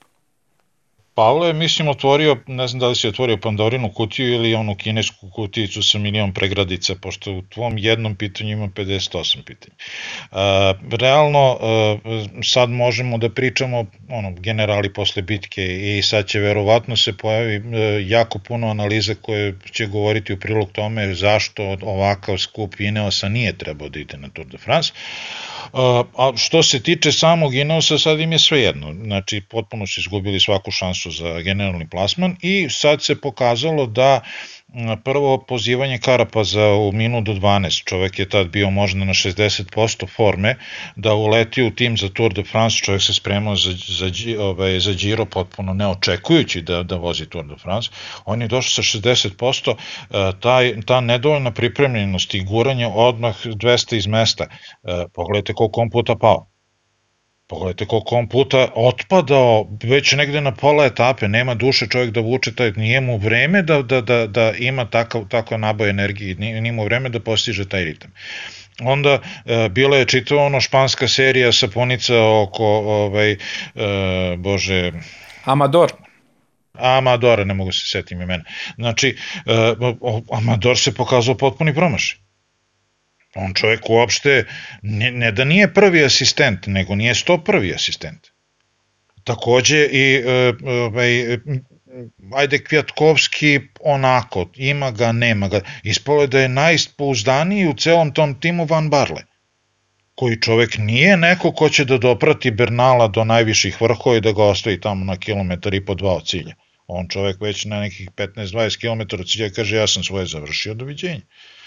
Znači, e, samu podršku Bernala je, sama podrška Bernala se pokazala uopšte nije. Kastrovjeho isto, koliko puta gore dole, gore dole, ima ga, nema ga. On dan da krene da, da prespaja i da dovuče Bernala kad je već kad je za ostatak bio samo 20 sekundi, on jedan vuče se na kraju, jedva okreće pedali. Pa ih je Kvjatkovski spašavao što mu uopšte nije njegov primarni cilj. Znači, cela ta, cela ta ekipa e, Ineosa danas se potpuno raspala i E, biće tu, verovatno će leteti perje, biće tu analize, analize i ko zna šta će biti. E, ono što su svi, e, svi, e, bilo jako puno komentara na društvenim mrežama kao Imperija je najzad srušena. Nije srušena, čekajte bre ljudi, ima još čitav Giro i čitav Vuelta. E, ovakav tim kakav su skupili Jumbo Vizma, nema šanse da skupe za naredne dve trke. Znači, oni nemaju toliko dugu klupu, što bi se toga reklo. Pa jesu, sa, sada su im važne i druge trke, ali do pre koju godinu njima je bilo sam, postojala je samo jedna trka godišnje i nekako to ipak ne bih se složio, jeste se to sad igrom slučaja promenilo, naravno da su poštovali svaku trku i išao je njihov lider je bio, na, bio lider na 3-4 jednonedeljne trke pred sam tur. Mislim da je pre svega Dave Brailsfordu i, i, i ljudima oko njega bio glavni, glavni, glavni, najglavniji cilj Tour de France, a ovo ostalo im bukvalno dođe kusur pa eto, poslednjih godina to isto i mislim da nije nemoguće da će Bernal da osvoji Vueltu, da neće ipak Chris Froome biti prvi vozač kao što je a, a, napravio pozorišnu predstavu Brailsford kada je predstavljen tim za Tour de France, mislim da a, vidjet ćemo šta će pre svega reći rezultati i Chrisa Fruma i koliko će imati vremena Bernal da se, da se odmori i šta će mu biti zadatak u narednim danima. Iskreno, ako mene pitate, ja mislim da im previše u ovom trenutku uh, mi vremena i energije posvećujemo za ovo malo što ništa ne vidimo od njih da rade ni na Tirenu, ni na, na Tour de France. Što ne na Tirenu, to Tomas sasvim lepo vozi na Tirenu. Tomas sasvim lepo vozi na Tirenu. Apsolutno odlično vozi. Trenira za Giro, to je to. Trenira on za Giro i on njega ćemo videti na Giro i ja sam je napisao na Twitteru pre, ne znam kad je bilo, ono kad su izjavili ko će da vozi, ja sam napisao, je, ja ne verujem sebi šta pišem, ali ja na svakom od ovih Grand Tour trka ja navijam za njihove lidere. I na ovoj trci za Bernala koji je dečko mlad, bačen u vatru ovako sa, sa nevjerojatnim teretom na leđima, možda i tu poklekao jer ovo danas nije Bernal koje mi znamo, nešto nije bilo u redu, znači ovo može potpuno da se baci uh, u, u vodu. A za Fruma navijam da se dečko vrati ono posle onakve pobede. Ako ide na Vueltu kao lider, svaka čast, ja sam svim srcem uz njega. Za Geranta Tomasa koji je rekao, alo, e, ja neću budem tu pomoćnik, ja hoću budem lider, izvoli dečko, evo ti Giro, pa pokaži se tamo i ono što kaže se Tioničar, super mu ide trenutno, tako da svaka im čast, ono što, što ste rekli, za njih je postojala jedna trka, sad imaju tri trke navrat na nos i oni trče u krug, ne znam kako se stađu, a fali Niko Portal koji to to sve organizuje. Tako da bi se ja sad okrenuo malo narednim danima koji, koji slede, jer kako Jumbo vozi, on nema, neće dolađe beg ni jedan put, ono, kao, alo ljudi, pustite begunce, šta vam više treba, ono, da li će se smire, meni, to, meni je to najveće pitanje, jer imamo još jedan cilj na brdu, na kraju brda, etapa 17, na Col de la Loze, a ovi drugi su sve gore dole, pa spusti, ono, ima, ajde, i ova 16. etapa, ma, ono, ima dobar plato kad se izađe, ovi koliko ima već ovde, 20 km gore se ide na tom platovu posle tog brdskog cilja. Tako da, ono, gajim nade da će malo se smire, jer kako su krenuli ubići i Rogliča. Ja sam danas video tvoj komentar na Twitteru kako će Wout van Aert da, da otrese roglu. Mnogi su danas ove komentarisali kako je praktično Wout van Aert otresao i Bernala i Quintanu i sve moguće koji su ono potpadali jadni. E, kažem, žao mi je Martina koji je tolike dane se držao, držao, držao i bez obzira što, eto što je Đorđe rekao, nema malih timova, on je čovjek iz Procon tima, imao je i malere i padao i sve to i uvijek nekako hvatao priključak, ali mu se ne da dođe u prvih deset još uvek je 11. u generalnom plasmanu, mada u jednom trenutku bio treći. Ali, e, kad sam pomenuo Quintanu, samo još jednom, samo da se do, ovaj, e, dohvatim jednom rečenicom Bernala. Pojavljuje se sumnja u to e, na koji i način i koliko su i koliko ozbiljno trenirali kolumbijski vozači dok su bili u Kolumbiji za vreme blokade, za vreme virusa. Jer je definitivno ono što Bernal sad pokazuje i pogotovo meni je strašno žao Quintana, koji je proletos kada je počela sezona vozio fantastično, vozio s radošću, vozio je baš ono pravi Kentana koga volimo da vidimo. On sad izgubi 5 minuta na, na, na etapi koju bi trebao da kažeš ajde bit će u prvih pet Quintana juče tokom onog jednog pada upao u, u, u koprive i živ se ispekao, plus je još posle vodio, vozio po suncu, ko zna kako je taj spavao, kako se danas osjećao i jeste šteta za nas kao posmatrače, šteta za trku što on nije više, da kažemo, u igri za neko eventualno treće mesto za podijum i ajde da kažem, lično mi je žao što u toj igri više donekle nema Toma Dumulana, Nada umire poslednja, on ima 3 minuta za ostatka za tim ljudima koji figuriraju za, za, za treće mesto, vidjet ćemo šta će doneti te naredne etape. Znam da se Tom Dumulan, uh, čitao sam jedan njegov intervju, posebno pripremao za taj uh, hronometar uh, koji nas čeka na Planche de Belfiju u pretposlednjoj etapi. On je nalik onome što smo imali situaciju u Izbruku, gde vozači vagaju sad da li će da menjaju hronobicikl ili ne, da li će za to brdo da uzmu običnog Drew Maša. A, pitao je a, reporter koji je radio intervju do Mulana da li je već doneo odluku, da li zna, da li je razmišljao o tome, do Mulan je rekao da jeste doneo odluku, da naravno neće da kaže a, a koji je njegov izbor. I meni je pomalo žao što taj njegov hronometar neće imati neki takmičarski karakter osim da se bori za etapu, a nekako doživljavamo da bi tu za etapu mogli da se bore pa i Van Aert, pa i, i Primož Žoglić i to će biti jedna njihova unutrašnja borba kojom će samo da začine pretpostavljamo žutu majicu koju bi trebalo dotad, dotad da, da brane. Ukoliko se nešto desi sa nekim od ovih vozača koji su tu u borbi za treće mesto u narednim danima, Dumoulin bi možda mogao da se vrati tu na podijum. Pretpostavljam da se slažemo da on mnogo bolje vozi hronometar i od Richija Porta i od a, Mikela Lande, to je naučno dokazano, pa od Adama Jejca i, i, i od Supermana Lopeza i Regoberta Urana svakako je tu u prednosti u odnosu na njih. Tako da eto, to je još nešto čemu se unapred radujemo za naredne dane. Malo pre si postavio pitanje da li je 40 sekundi razlike dovoljno Pogačaru e, da, da nadoknadi i eventualno preotme žutu majicu na hronometru. Ja mislim da je to preveliko vremenski, vremenski zaostatak i ako mu je, ako uopšte ima takvu ideju, ne verujem da ima takvu ideju da, da juri e, žutu majicu na hronometru, on pre toga mora da spusti tu razliku barem na 10 sekundi, 10-15 stop. E, bez obzira na to što smo e, gledali da, da Rogla e, u trećoj nedelji ne vozi dobro hronometar, to mu se desilo jednom na džiru kada smo gledali da ga je Nibali odrao, ovaj, jer smo se nekako nadali da će možda da uspeti da preokrene i da se popne jednu stepenicu više na, na, na, na postolju na kraju trke, to se nije desilo. Ovaj put ovo je sasvim drugi Rogla, Rogla koji je godinu dana stariji, iskusniji, osvojio je Vueltu i ima nenormalno jak tim oko sebe. Znači, ne mora da strahuje za, za tih 40 sekundi. A, jeste, ali bi se ja setio, mislim, jeste iskusniji, bolji, sve, apsolutno, ali bih se setio još jednog primjera, čini mi se iz 2017. kada je on a, bio četvrti na, na turu pred poslednji hronometar i nekako očekivalo se da tu doskoči do podijuma, to je potpuno podbacio, bio je osmi na tom hronometru, zaboravio sam imena koja su bila iznad njega, a, a to je nama bio jedan pokazatelj tog nekog, odnosno to je to što je izgradilo tu reputaciju da on tokom treće nedelje u završnici popušta, ali evo zajedno se nadamo da je to sa Vueltom, pa i evo sada prvim sledećim Grand Tourom nakon te Vuelte nestalo i da toga više nema te njegove nesigurnosti u završnici trke.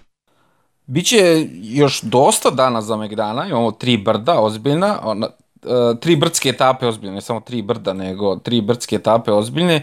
16. ide Ville de Ra, uh, Ville Vilar de Lan, 164 km, penje se tu na, na tih nekih e, hiljadu i koliko je ovo metar, 1200 metara, ništa nešto mnogo veliko.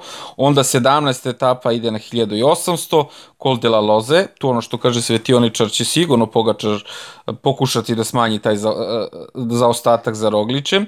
I onda imamo 18. etapu i tekako tešku, šest brda gore dole, ceo dan 170 km, 175 km i tu ima jedna deonica na pretposlednjem petom brdu gde ima, ne znam ti nija šta su ostavili, neki podzemljane puteve, opet samo nešto izmišljaju, videli smo i, i na Giro Rossi da je Janemik Van Vluten rekla kao dajte ljudi ovo, manite, pustite ovo, nek bude na strade Bjanke, ono, daj nas, da vozimo po asfaltu. Tako da svašta tu može da se desi, a i Pogačar je rekao danas u intervju posle posle nikad se ne zna, možda ćemo i, i Roglić i ja imati i loš uh, dan nekada. Ono što mene sad ovde raduje u celoj ovoj priči je to što je uh, Roglić i tekako psihički spreman za sve ovo. Ko što je rekao se, Teoničar ima nenormalno jak tim, Znači, to se vidi da nema niko jači od njih. Od starta su to oni krenuli da demonstriraju i demonstriraju i dalje, ali ono što je uh, tu evidentno da je Roglic psih, uh, psihički spreman je to što je on i prošle godine bio spreman za Giro i malo ima malo, malo više loše sreće, pa je bio psihički fantastično spreman i utreniran za Vueltu, pa je osvojio i sad je jedini ovde od svih ovih gde ko je trenirao Kolumbija, tamo ovamo Valjci, ovde, onde u ovom lockdownu, znači psihički i fizički najspremniji od svih i to se vidi i s te strane mu svaka čast.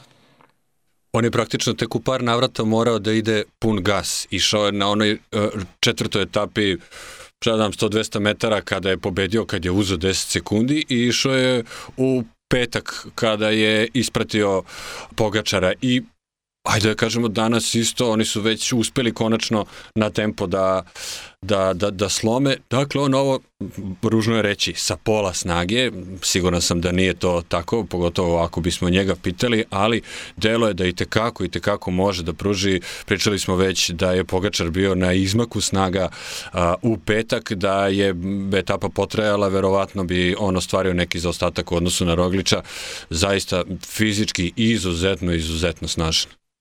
A, ono što moramo da pomenemo a, u vezi Rogliča, a, kao što je pre dve godine Tomas izvezo a, apsolutno bezgrešni Tour de France, bez ikakvog zastoja, bez ikakve bušne gume, bez ikakvog kvara menjača. Trenutno to prati Roglu.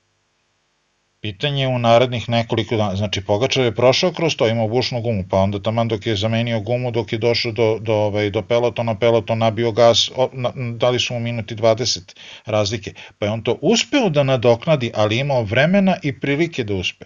U narednim danima, ako pogotovo u novim brdima gore dole, ako se desi na, na nekom ovaj, slepom crevu od, od, od puta neki ovaj, e, takav kvar, e, prvo, meni to nikad, evo, ja bih pitao tebe, Đorđe, pošto si ti bio na biciklu e, i, i u takmičarskoj e, varijanti, E, kad pukne guma, zašto najveći broj ljudi koji mogu da vidim na, na, na većini trka, čekaju da dođe njihova kola i da uzmu točak ili da zamene ceo bicikl.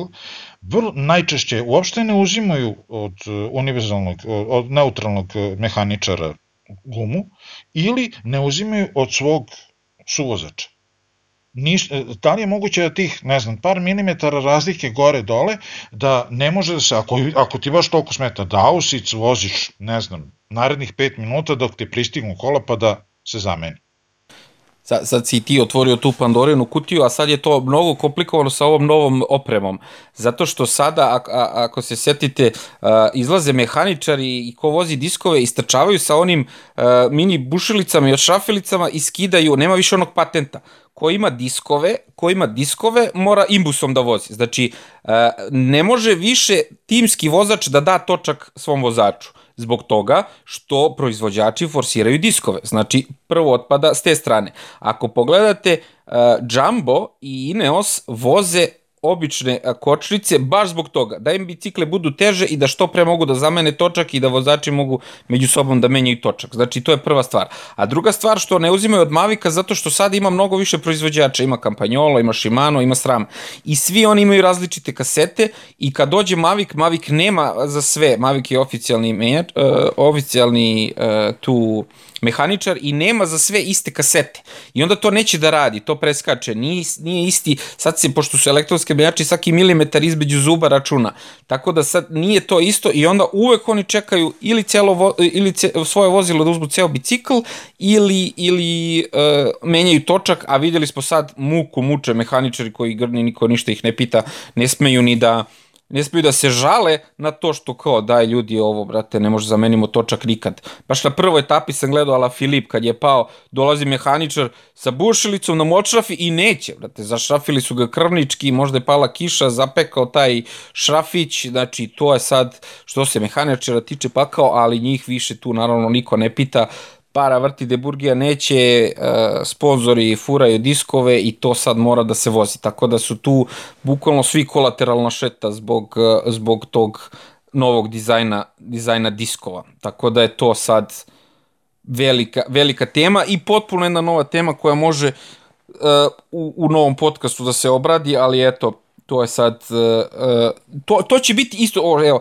za ovu deonicu po, po šta ni kocke, da kažem kocka, ali po zemlji, biti i tekako važna, uh, važan detalj, pa, pa pratite to. Malo smo odužili ovaj podcast, nadam se da nam uh, slušalci neće zameriti, zato što jednostavno imamo još ovaj podcast, samo koji smo eto završili, privodimo kraju, i još jedan pre kraja tura, tek se sada zakuvava 40 sekundi, nije mnogo i mislim da ono, svi koji slušaju ovaj podcast se uh, unapred raduju da ovakav generalni plasman ostane i, i na kraju u, u Parizu, a mi sad evo prolazimo razno razne scenarije šta bi bilo i kad bi bilo. Idemo da privodimo. Kraju završavamo, još jedan put da vas pozovemo da nas pratite na raznim kanalima na kojima vama odgovara, tu je sada Apple Podcast, Spotify, Google Podcast treba da bude vrlo brzo, YouTube, Mixcloud, razno razni, e, razno razni drugi, drugi kanali i naravno da nam pišete, rekli smo i prošli podcast, e, na Twitteru smo najaktivniji zato što je tu najbrži protok informacija, ali možete i na drugim društvenim mrežama, svuda nas ima. Hvala vam na, na uh, ovom izdvojenom vremenu i hvala i Pavlu i Svetioničaru i hvala i vama poštovani slušalci što ste imali strpljenja da saslušate sve ove naše lovačke priče. Prijatno i do slušanja. Doviđenje s moje strane. Zdravo, prijatno.